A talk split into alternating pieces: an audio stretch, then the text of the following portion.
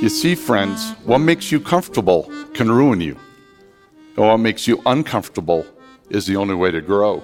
Let me say that again. What makes you comfortable can ruin you, and only in a state of discomfort can you continually grow. Dit is Bill Ekstrom in zijn TED-talk over persoonlijke groei. Ik denk dat hij bedoelt dat het goed is om iets nieuws te leren, hoe moeilijk dat ook is. Ik leer nu dit: podcasts maken. Omdat ik behoefte heb aan een nieuwe uitdaging, maak ik deze serie De Grote Ommezwaai. In de eerste aflevering sprak ik met mijn zus Laura. Ik dacht eigenlijk mijn carrière is mislukt. En vriendin en ex-collega Martine. Ik moest ook wel weer het vertrouwen krijgen dat ik, dat ik een baan met iets meer druk ook wel aan zou kunnen. Over het werk dat ze deden en hoe ze een carrière switch maakten. Je moet goed nadenken over wat je wil. En als je weet wat je wil, dan moet je het gewoon gaan doen. En ik ga er gewoon voor. En ik ga het gewoon halen, punt.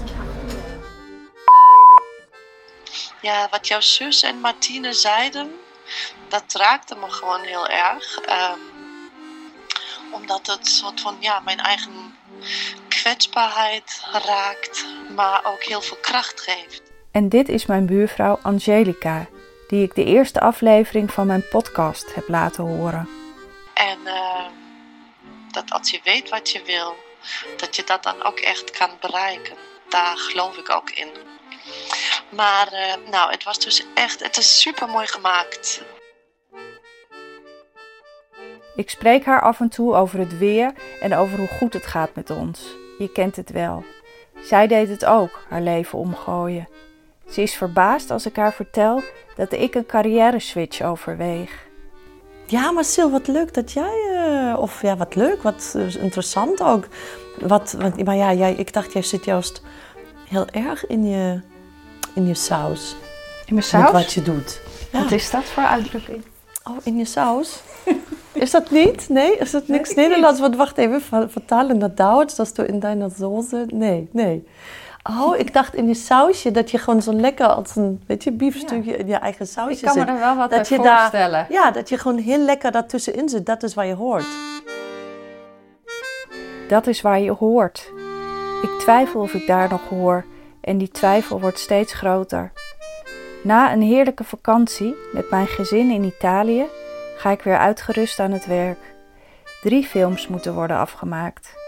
Na deadline 2 kan ik niet meer uit mijn bed komen, ik heb overal pijn. Na twee dagen in bed, waar ik contact hou met mijn medewerkers over het verloop van alle overige elf lopende projecten, sleep ik mezelf toch weer naar de overkant, naar mijn bedrijf, waar ik achter mijn bureau verder ploeter. Zo voelt het nu als geploeter. Angelica had dit vorig jaar, dat haar werk haar steeds meer tegenstond en daarom heeft ze vorig jaar haar kledingwinkel Young Designers United op de Keizersgracht verkocht. Ja, ik voelde altijd die verantwoording voor de ontwerpers. Dus niet alleen mijn eigen zaak en mijn eigen existentie, want dat heb je ook. Dat is, weegt ook heel zwaar. En als je echt een hele slechte maand had, dan voel je je gewoon heel erg rot. En dan moet je ook weer proberen elke keer overheen te stappen en uh, door te gaan. En elke dag is een nieuwe dag. Want hoe voelde dat dan als je een slechte week had? Een slechte maand? Nou ja, alsof je toch een beetje zo'n failure, hè? een beetje, ja, omdat het, uh, de collecties nog steeds eigendom zijn van de ontwerpers. En die bij mij dan soort van, je zou ook denken, vastzitten. Dus ik voelde me heel erg verantwoordelijk om die ontwerpers gewoon goed te verkopen. Ja. Dus was dat, uh, en, en daar gewoon alles voor te doen. En steeds weer in het zonnetje te zetten. En die moet je echt ook dan persoonlijk een beetje coachen. Dus het was waanzinnig intensief. En um, het was denk ik ook dat, nou ja, wat misschien elke ondernemer ook ergens erkent, dat, dat ik merkte, ik was gewoon 24-7 ermee bezig. Ik stond op met zo'n to-do-lijst en ik ging naar bed met zo'n to-do-lijst. Dat was in 13, 14 jaar, of nou ja, ik heb, uiteindelijk heb ik deze zaak 16 jaar gehad, niet één dag waar ik dacht, hè hè, ik heb even alles gedaan. Dat bestond gewoon niet. En... Um, en ik merkte dat, dat, dat, weet je, hoe vaak dat op mijn, op mijn, uh, gemoed, nee, op mijn, op mijn nou ja, humeur, hè, hoe ik gewoon in elkaar zat. Dat ik de hele tijd leefde met een uh, eigenlijk relatief hoog stressniveau. Want wat doet dat met je? Um, ja, je bent je de hele tijd zelf aan het coachen. Je bent eigenlijk nooit echt ontspannen. Want je hebt duizend dingen in je hoofd. Die klant en die ontwerper en die bestelling en die levering en dat nog. En weet ik veel. En die winkel met personeel. Dus daar was altijd was daar iets. En dus besloot Angelica na 16 jaar ondernemerschap haar zaak te verkopen. Dat gaat vast gepaard met een heleboel twijfel, toch? Wist je het wel zeker? Oh ja, ik wist het. Oh nee, dat wist ik echt. Ik, ik merk ook niet één cel in mijn lichaam. Heeft het hele jaar gedacht, oh, had ik maar niet. Nee. En dan had ik echt weken had ik nog dat. Oh, ik moet van alles, wat moet ik ook weer van? Oh nee, ik hoef helemaal niks. En dat was bizar. Tot zich dat soort van, tot dat. Oh nee, ik ben nu vrij. En hoe lang heeft dat geduurd? Ja, echt wel een paar weken. Weken, ja zeker twee maanden of zo. Dat ik echt wakker word en dacht oh ja, vandaag wou ik even naar de stad en even lunchen. En dan wou ik even onze klompenhok opruimen en al die oude schoenen wegbrengen. Weet ik wel, weet je, ik heb echt mijn huis, heb ik soort van compleet uh, schoongemaakt. Want daar liggen altijd, heb je echt van die hoekjes en die dingen waar je denkt, oh ja, dat moet ik ook nog doen. Oh, dat moet ik ook nog. Maar ja, het blendt je uit en... Uh, en dat heb ik dus echt allemaal gedaan. Heel veel wegsorteerd, soort van opgeruimd. Dat helpt mij ook altijd om mezelf hierboven in mijn hoofd een beetje op te ruimen. Maar op een dag was alles opgeruimd. Op een dag was alles opgeruimd. Nou, en toen ging ik met een vriendin, uh, gingen wij uh, de, de, de Vrije Academie, ging ik kunstgeschiedenis doen, ging ik een schildercursus doen. Maar uh, ja, verder ontwikkelen is ja dat je gewoon, weet je, wat, wat, wat, wat vind ik leuk om te weten? En dan gewoon net iets dieper informatie op zoekt. Maar, en niet altijd zegt, ja, ik heb daar geen tijd voor. Wat dan ook daadwerkelijk zo was. Want alles wat je dan daar nog bij doet, is gewoon nog meer stress. Oké, dat is herkenbaar. Nog meer taken, nog meer stress. En wat lijkt het me heerlijk om eens alle kasten rustig op te ruimen. Als ik thuis kom van mijn werk ben ik daar meestal te moe voor. Maar ook deze podcast maken, al het werk dat daarin gaat zitten, het stapelt zich bovenop mijn andere taken. Maar ik vind het zo leuk om te doen en ik krijg zo'n zin om te leren. Ik schrijf me in voor een tweedaagse cursus podcasts maken bij de gerenommeerde radiomaakster Katinka Beer. Ze zegt streng dat ik niet alleen familie, vrienden en buren moet interviewen en stuurt me de straat op waar ik een vreemde moet aanspreken met een alledaagse vraag. Dit is spannend. Nu moet ik echt uit mijn comfortzone komen, waar Bill Ekstrom het over had. Oké, dan val ik meteen met de deur in huis. Um, wat doet u in het dagelijks leven? Uh, ik ben stewardess bij de KLM. En uh, dat doe ik part-time. En verder ben ik heel druk met mijn gezin en met welke huren appartementen. Dus daar heb ik het ook wel op te regelen daarvan. We hebben een hond. Dus, en mijn moeder is onlangs overleden, dus ik ben heel druk bezig om het ouderlijk huis allemaal op te ruimen. Dus dat is genoeg eigenlijk wel. Ja, dat klinkt als heel druk. Mijn nieuwsgierigheid volgen, dat moet ik ook doen van Katinka.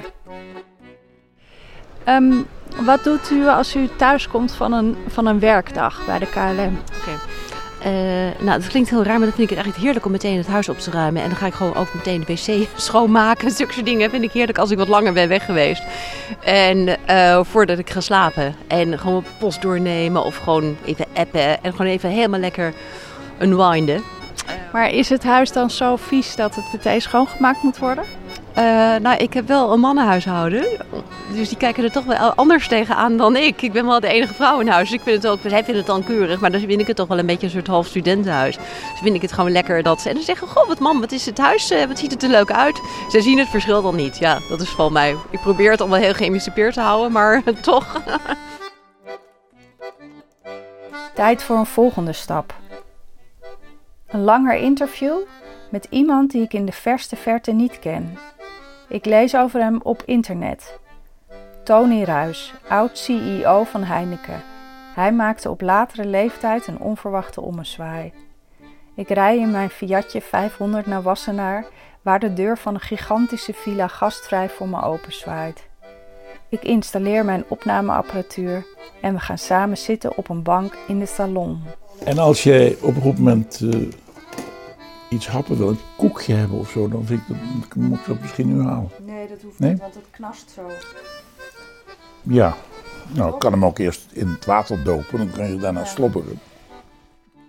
Tony is al een paar jaar met pensioen als hij via via in contact wordt gebracht met Ola Mavellani, een theatermaakster. Zij wil hem iets vragen en belt hem. Hij heeft nog geen idee waar dat over gaat. Ola Mavellani, ik ben van het Noord-Nederlands toneel en ik heb je steun nodig, maar ik vind het heel lastig om dat door de telefoon uit te leggen zou je een keer met me kunnen praten? Ik dacht, nou, praten is best, maar Groningen is wel een heel eind weg. Toen zei ze, nee, maar we, we zijn aan het oefenen in Nieuwspoort in, in, in Den Haag. Ik zei, dat is vlakbij. Dan kom ik wel even naar Nieuwspoort toe. En zoals wel vaker de steun gevraagd wordt, meestal denk je dan aan centjes. Dus ik zei, daar, daar, daar gaan we weer. Maar uh, de zaterdag erop loop ik bij Nieuwsport naar binnen. En er loopt zo Paul voor me langs. Eerst uh, Harry Piekema. En vervolgens Anna Drijver. Harry Piekema is van de... Van de Albert Heijn reclame.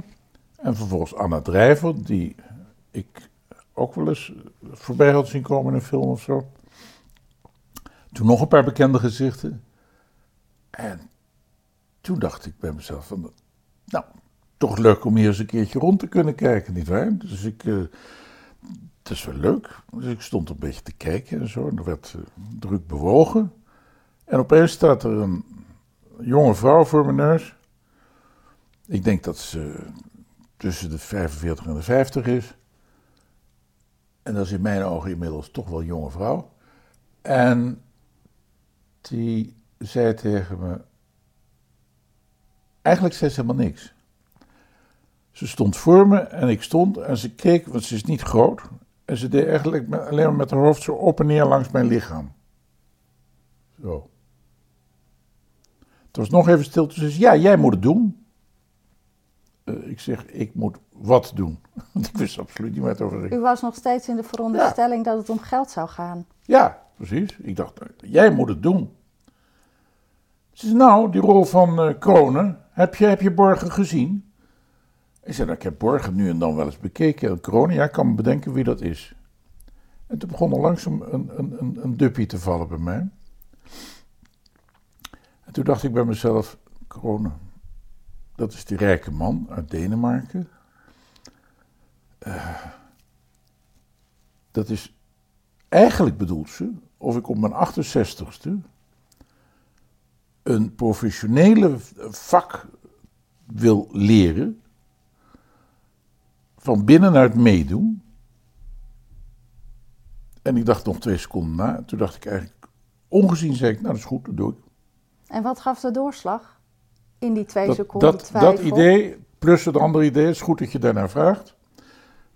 Toen ik om me heen kijk, zag ik dat de gemiddelde leeftijd van alle spelers was minder dan de helft van mijn leeftijd. Dat ik dus, je krijgt ten eerste keer de gelegenheid om een vak te leren, van binnenuit. En niet zomaar een vak. En ten tweede ga je spelen met gewoon de leeftijd van je kinderen. Dus ik riep, ja, dat is goed. Ik doe het wel. Toen het onverwachte op zijn pad kwam, heeft hij twee seconden getwijfeld. Eén, twee. In die twee seconden kon hij niet overzien wat het zou betekenen. En dan te bedenken dat Borgen een toneelstuk was dat maar liefst negen uur duurde. Angelica is enorm opgeknapt van de stap haar zaak te verkopen en een tijdje vrij te nemen. Eventjes wil ik daarbij zeggen, want ik was heel veel ziek die afgelopen jaren. Gewoon echt altijd snot en ding en bibber en koud. En, en dat was gewoon weg. Weet je? En, en tijd voor jezelf om te sporten, om je hoofd weer soort van te ont... Uh, ja, de hele... Ja, heel veel shit daaruit te, scheppen, had ik dat gevoel. Ik heb echt soort van weer een blanke pagina in mijn hoofd, heb ik dat gevoel. En je kon dat ook financieel permitteren om dat nou, dat is jijn. eh, want ik heb natuurlijk, ja, ik heb wel geld gekregen voor eh, de zaak. En dan, eh, dus de eerste betaling, die, nou, die is bijna opgegaan in allemaal belasting en nog een gaatjes stoppen en dan nog weer wat. En nu de tweede betaling, want ik heb het in drie termijnen, krijg ik het. Nou ja, dat is gelukkig zo in de, in de, in de broekzak. En, eh, maar goed, het was wel ook een afspraak met, met mijn man. Dat, dat gaan we nu zo doen. En dat vond ik wel moeilijk. en want wat ik was de afspraak dan? Nou ja, dat hij, eh, hij verdient gelukkig goed. En ehm, dat het even oké is als ik gewoon een jaar of ook twee of zo gewoon niet ga werken. Dat ik niks verdien. En dat vond ik heel moeilijk aan het begin. Omdat ik, eh, ja, die afhankelijkheid... eh, ja, maar dat vond ik altijd al. Ik ben echt heel streng opgevoed dat ik zeg maar financieel voor mezelf moet zorgen. En om dat los te laten en een soort van wij te denken, want zelfs tot nu toe heb ik altijd gedacht, weet je, jij en ik, wij zijn in eenheid, maar ik blijf altijd ik ook. Ik ga me niet verliezen in een wij en dat denk ik nog steeds niet.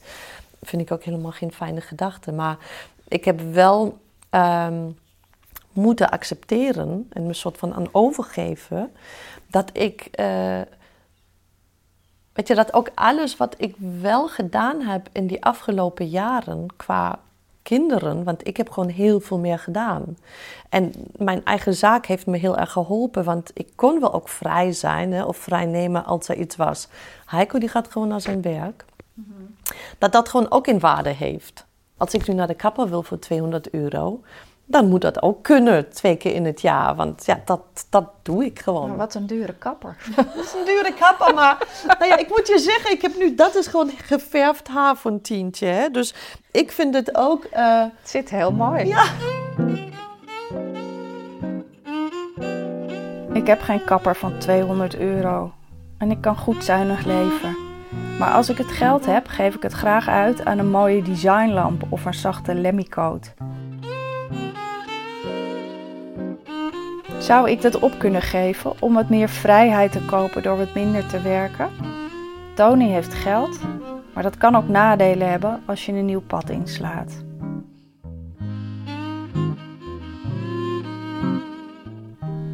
Ik heb natuurlijk een, een, een, behoorlijk inkomen gehad en ik heb altijd goed verdiend. Ik kom daar in een groep toneelspelers waarvan iedereen weet, ze zijn wel gelukkige mensen op hun manier, maar ze zijn zeker geen rijke mensen. En ik kwam daar ook nog eens een keer de rol spelen van de rijkste man van Denemarken. Dus ik zag ze de eerste paar dagen tegen elkaar aankijken en zei: Ja, hij zit er een miljonairsrol te spelen, maar het is zelf ook een miljonair. Wat, wat, wat, wat, wat, waarom doet hij dat? Waarom krijgt dat niet gewoon een arme toneelspeler? Want dat is broodroof. In het begin speelde dat een beetje. En ik had, zonder dat ze dat ooit tegen me gezegd hebben. Maar ik heb me voorgenomen dat eh, het woord Heineken dus niet meer uit mijn lippen zou komen. En dat ik wou leren. Leren van iedereen. En als iemand van de toneelschool iets, net iets anders kan zeggen, dan luisterde ik aandachtig en zei ik, laten we dat dus nog eens even samen proberen. En dat heeft indruk gemaakt.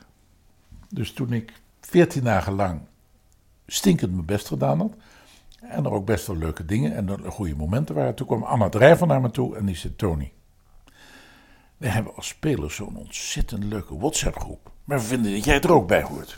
Toen was ik voor mijn toelatingsexamen geslaagd. Het is een enige groep en ik heb er ontzettend veel van geleerd, dat wil ik wel vertellen.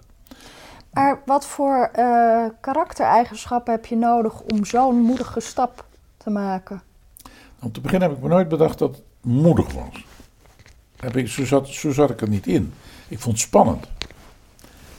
Ehm, en er Maar waren als ook wel dingen waar- spannend is- Ik had ook wel houvast. Ik had bijvoorbeeld één stukje houvast had ik aan het feit dat ik eh, geen podiumvrees had, om het zo maar eens te zeggen.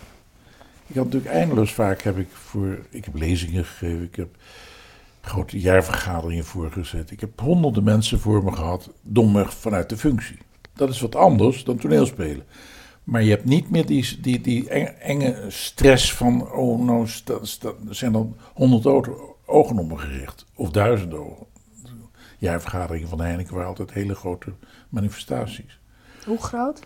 Nou, dat, daar zaten gauw 300, 400 man in de, in de zaal. En dan, en dan eh, ja, dat zijn dan spannende momenten van hoe het bedrijf het gedaan heeft. En, en, of de aandeelhouders wat tevreden zijn, of dat ze moeilijke vragen hebben. Al dat soort dingen, wat dan bij de voorzitter terechtkomt. Dus dat, daar, daar had ik verder, uiteindelijk heb ik daar verder geen zorgen over gehad. Maar wel dus over, Jezus, waar moet ik staan? En hoe, moet ik, waar zijn we in het stuk? Want ik weet wel ongeveer waar het zit, maar op welk moment kom ik nu overeind? Of wat moet ik doen? Of wat dan ook. Dat soort zorgjes heb ik wel gehad. Ik was van de negen uur ongeveer vijf uur lang op het toneel zichtbaar aanwezig. Dat kon overigens wel zijn met je rug naar het theater toe, met je rug naar het publiek toe. Ehm, omdat ik op een bankje zat. En ik kon daar zelfs nu en dan wel een dutje doen als ik dat nodig vond. En dan werd ik door een jonge medespeler aangetikt met, met, met haar elleboog van nou moet je weer optreden. Dus gebeurde dat echt? Dat is één keer echt gebeurd. ja.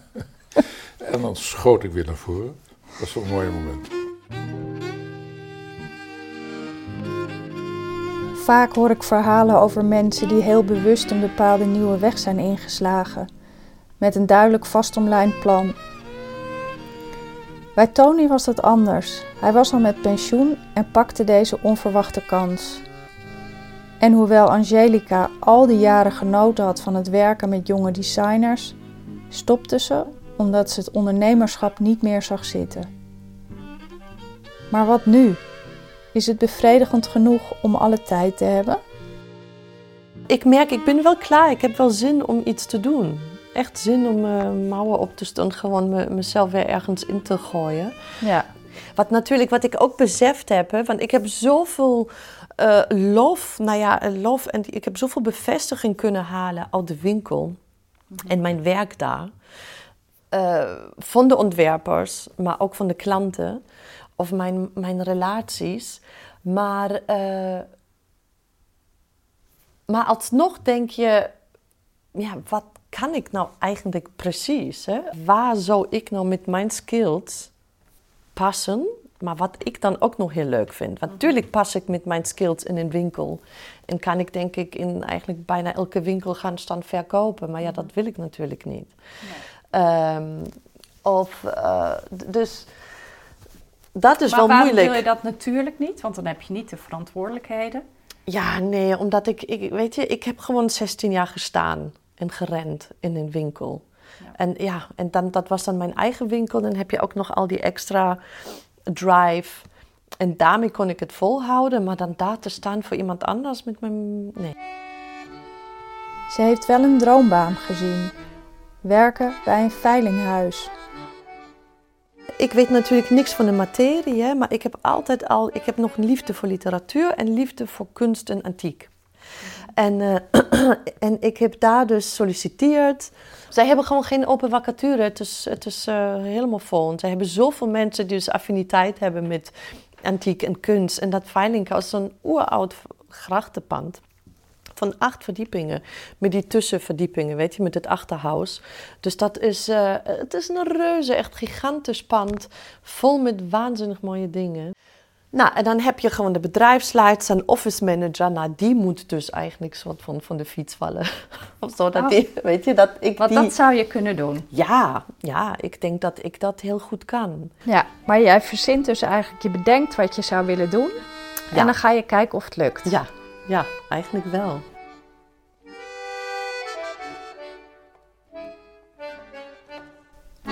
Ze is dan wel geen ondernemer meer, maar ik vind dit wel heel ondernemend. En ook al is het nog niet gelukt, ze vindt met haar levensinstelling vast wel weer snel werk. Tony heeft na een glansrijke carrière binnen grote bedrijven zich een nieuw vak eigen gemaakt. Dat zal toch echt niet zonder slag of stoot zijn gegaan. Zeker niet voor iemand die gewend is om de baas te zijn. Luister, als je vak wil leren, moet je bij het begin beginnen. En als je een vak wil leren, dan betekent dat je dat kan leren van iedereen. Want het zijn allemaal professionals om je heen. Er waren 39 professionals en één amateur. En dat betekent, ik kon leren van iedereen. Ook van iemand die net van de toneelschool af was. En dat heb, zo heb ik me ook opgesteld. Uh, ik herinner me één moment waarop ik uh, dat was al bij de vierde of vijfde voorstelling, was in Zwolle. Toen ik in mijn nieuwsgierigheid na afloop van de zaterdagavond tegen Ola zei van... Hoe, hoe vond je eigenlijk dat het ging deze keer? Want ik was nog steeds aan het leren. En toen zei ze, ja, maar het moet veel beter. Toen dacht ik, dat is nuttig. En ik zei, nou, maar dan wil ik graag dat je me uitlegt hoe dat... Ja, wacht, nee, maar het moet gewoon veel... Het moet anders, het moet beter, het liep ze weg. Hoeveelste voorstelling was dat? Dat zal de vierde of vijfde voorstelling geweest zijn. En hoewel ik daar bezig was uh, dat te realiseren... en ik s'avonds ook laat was, toen dacht ik van... ik ga, naar ga er achterna en ik zei... Orla, zo kan je niet met me wegkomen. Ik moet even iets meer informatie van je hebben, dan heb ik wat aan. Dus heb ik nu geen tijd voor. Ik moet, het moet gewoon beter, je ziet maar. Hoe voelde u zich toen? Ja, toen dacht ik van, dit is, dit, is, dit is mij niet goed genoeg. Nou ben ik aan de beurt. En toen heb ik gewoon maar één het gevoel? Ja, nou, gewoon gevoel van... van uh, als je zelf het gevoel hebt van het gaat de goede kant op en je hoort van het, het, er komt geen reactie meer. Uh, dus toen dacht ik van, nou ben ik ongelukkig. En, en toen heb ik in mijn uh, directheid heb ik gezegd: Ola, nu vraag ik het nog één keer. En als je nu niet op een goede manier antwoordt, dan staat beneden in de auto mijn, beneden de parkeergarage staat mijn auto. Dan ga ik in die auto zitten en dan zie ik me gewoon niet meer terug. Eventjes helder voorstellen. Want ik heb natuurlijk geen gezagsverhouding met haar. Ik doe mee als amateur. en toen besefte zij opeens van, oh maar wacht even. Hier moet ik op een andere manier mee omgaan. En toen zei ze, oh nee, maar zo had ik het niet bedoeld. En dat hadden we niet. Nee, natuurlijk, laten we er even tijd nemen. En toen sloeg ze de armen om me heen. En toen zei ik, vind, het gaat juist hartstikke goed. Maar alleen, het kan heus nog beter. Maar we moeten hier en daarop letten. Toen waren we in gesprek. En dat is nog, daarna is nooit meer voorgekomen. Voor Tony en Angelica was het financieel mogelijk om een ommezwaai te maken. Ze hebben alle twee al veel bereikt in hun werk. Ik heb het altijd druk, veel te druk. Ik zou heel graag een tijdje nieuwsgierig om me heen kijken, om te zien welke creatieve paden er nog meer te bewandelen zijn dan in het familiebedrijf. Ik denk dat het belangrijkste is om je te gunnen. En dat heb ik, ja, ik weet niet hoe, maar dat heb ik echt voor elkaar gekregen. Om zonder schuldgevoel tegenover wie dan ook en voornamelijk mij tegenover, zonder schuldgevoel gewoon even tot rust te komen en te chillen. En dan denken, ja, ik vertrouw zo op mijn, ja, uh, hoe moet ik zeggen, mijn enthousiasme. In ik denk dat als ik me enthousiast, uh, enthousiast ma uh, maak voor iets, dan kan ik mensen daarvan overtuigen. Mm -hmm. Dus. En ben je dan ook wel eens bang dat het niet gaat lukken? Dat wat je voor ogen hebt? Mm, nee, eigenlijk niet. Of, of ja, weet je, daar is misschien zo'n heel klein knagend, af en toe voel je dat gewoon. Hè? Dan, dan, dan iets, een stemmetje of zo, of een bepaalde angst. Um, maar ik denk, ik ga, ik, ga, ik ga wel werk vinden. Weet je, dat, daar maak dat ik sowieso. me. Dat sowieso. Uiteindelijk, het, het is natuurlijk, jij, jij begint hier met je grote droom. Mhm. Moet je eerst zeggen, hè, waar is je, wat is je grote droom? En dan wordt je iets realistischer en dan ga je misschien naar waar ik nu zit, uh, heel echt uh, met een doel zoeken dat wat ik wil. Nou ja, dat, dat, dat heb ik nu nog heel grote hoop dat dat wel gaat lukken. Mhm. En ik kan natuurlijk dat cirkeltje steeds groter maken. Wat ik nu bijvoorbeeld ook dacht, ik ga um, ja, met een stapeltje cv's gewoon de stad in. En ik ga gewoon, want ja, met mijn sales, weet je, visie of zo. Als ik een hele leuke winkel zie, ik weet niet wat ze verkopen, maar ja, dan loop ik gewoon naar binnen en stel me voor en laat mensen cv en dan kijk ik gewoon wat er van komt. Ik kan ook altijd nee zeggen mm -hmm. als ik me bedenk. Ja. Al 25 jaar zit ik op dezelfde plek. Wel met steeds nieuwe films en uitdagingen, maar ook met bekende gezichten. Vooral mijn dierbare familie. Op een kantoor in Ilpendam, tegenover mijn huis. Is het zo dat ik gewoon te weinig vertrouwen heb in nieuwe kansen en in mijzelf? Angelica vertrouwt erop dat het weer komt. Een leuke nieuwe uitdaging. Tony vertrouwde erop dat hij een nieuw vak kon leren. En dan ook nog een vak dat hij nooit eerder ambieerde. Ik heb op school naar toneel gespeeld, in mijn studententijd naar toneel gespeeld. Ik heb wel altijd leidinggevende rollen gehad. En toneelspelen heeft ergens ligt dat ook tegen leidinggeven aan. Omdat, het is achteraf uh, lijkt het misschien onaardig om te zeggen, maar uh, zelfs als je nu en dan iemand moet ontslaan, dan kan daar emotie in liggen op het moment die wel degelijk ook gemeend is, maar die niet zo zijn dat ik diezelfde avond een slapeloze nacht beleef. Dus het ligt er ergens tegenaan. Dus je moet af en toe als leidinggevende een rol aannemen. Wel degelijk. Wel degelijk. Anders, anders ga je het ook te veel aantrekken. Als je, als je eh, een slapeloze nacht hebt van iedere werknemer die bij Heineken ontslagen zou worden, uh, met 80.000 werknemers, dan heb je weinig slapen. Dus je moet er, op een goed moment moet dat toneelspel ook zetten. Het is nodig, het is goed voor het bedrijf, het is het beste voor de toekomst. Maar dan laat je het ook weer los. Als je dat niet kan, dan krijg je een heel zwaar leven. Dan wordt het leven echt stressvol. hey, hij kon het al, toneelspelen. En ik kan verhalen maken. Dus dit vak, podcasten, ligt niet zo ver af van films maken. Dank voor de inspiratie, Tony. En Angelica, zij bekijkt vanuit de rust van haar werkvrije periode wat ze verder zal gaan doen. Dat wil ik ook. Even tijdelijk geen druk voelen van alle verantwoordelijkheden en taken. Even niet meer ploeteren. Na overleg met mijn vader en zakenpartner Frans en wat geregeld neem ik drie maanden vrij. Ik trek de deur dicht en ga lekker podcasten.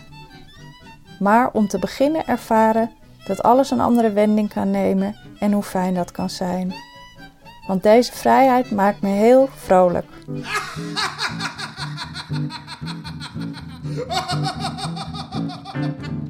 Laughing at rhythm.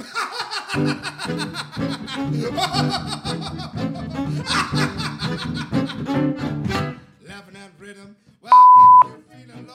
Heel, uh, heel goed bezig daarmee. Dus uh, geniet vooral ervan. Want ik denk dat het een heel mooi proces is om te kijken hoe je dat edit en wat pak je eruit en uh, wat plak je achter elkaar, zodat het een heel mooi geheel wordt. En je stelt hele goede vragen. Dus oké, ik wens je een hele leuke dag en ik ga even de stad in. Um, een beetje de boekwinkels uh, onzeker maken in Amsterdam. Oké, van liefs en uh, tot snel weer. Doeg!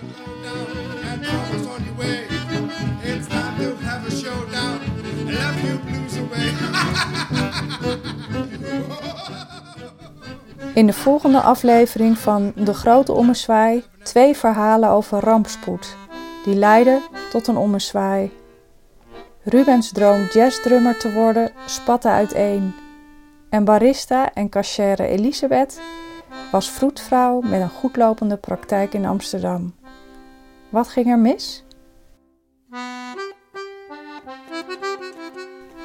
Heb je genoten van deze tweede aflevering? Zeg het voort en laat dan een reactie achter. Dan kunnen andere luisteraars de podcast makkelijker vinden. De grote ommezwaai wordt gemaakt door mij, Sylvia Bromet. De muziek is van Accordeon Melancholique en de podcast wordt uitgegeven door Saar Magazine. Dank aan alle geïnterviewden en natuurlijk aan jou omdat je geluisterd hebt.